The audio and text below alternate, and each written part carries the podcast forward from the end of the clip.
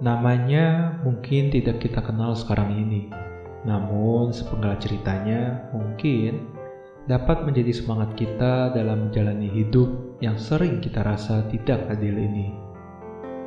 Dia adalah Arthur Robert S. Beliau adalah petenis kulit hitam pertama yang memenangi US Open, Australia Open, dan Wimbledon. Pada akhir hayatnya, beliau merupakan penyintas AIDS yang didapat dari transfusi darah saat operasi jantung pada tahun 1983. Bukan oleh karena kesengajaan atau kelalaian yang beliau perbuat, maka mendapat keadaan tersebut. Melalui surat, salah satu penggemarnya pernah bertanya, "Mengapa Tuhan memberikan kepadamu keadaan seperti ini?" Arthur pun menjawab, di dunia ini ada lebih dari 50 juta anak yang mulai bermain tenis. 5 juta di antaranya mulai menekuni tenis dengan lebih serius. 500 ribu di antaranya masuk ke ranah profesional. 50 ribu orang yang mengikuti perlombaan. 5 ribu di antaranya mencapai Grand Slam 50 orang yang berhak masuk ke Wimbledon.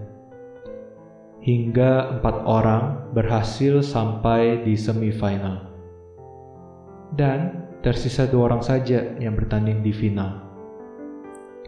Ketika hanya sayalah yang memegang piala dari 50 juta orang lainnya, saya tidak pernah bertanya kepada Tuhan, Why me God? Why me?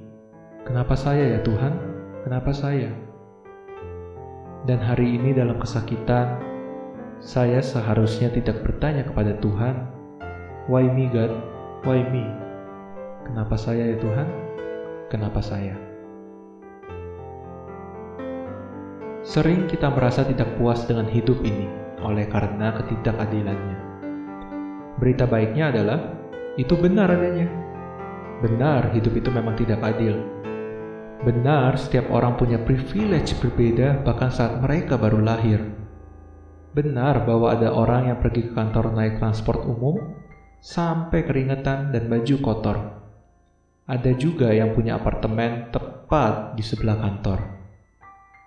Ada yang dididik dengan keluarga lengkap, ada yang dibesarkan tanpa sosok ayah. Ada yang makan sangat cukup, ada yang makan secukupnya. Ada yang pulang sekolah bisa les kumon, les piano, les Inggris. Ada juga yang pulang sekolah harus lesehan, membantu ibunya jualan di pasar. Ada mahasiswa yang gak belajar dapat nilai A. Ada yang udah begadang, fotokopi catatan teman, eh tetap dapat nilai C.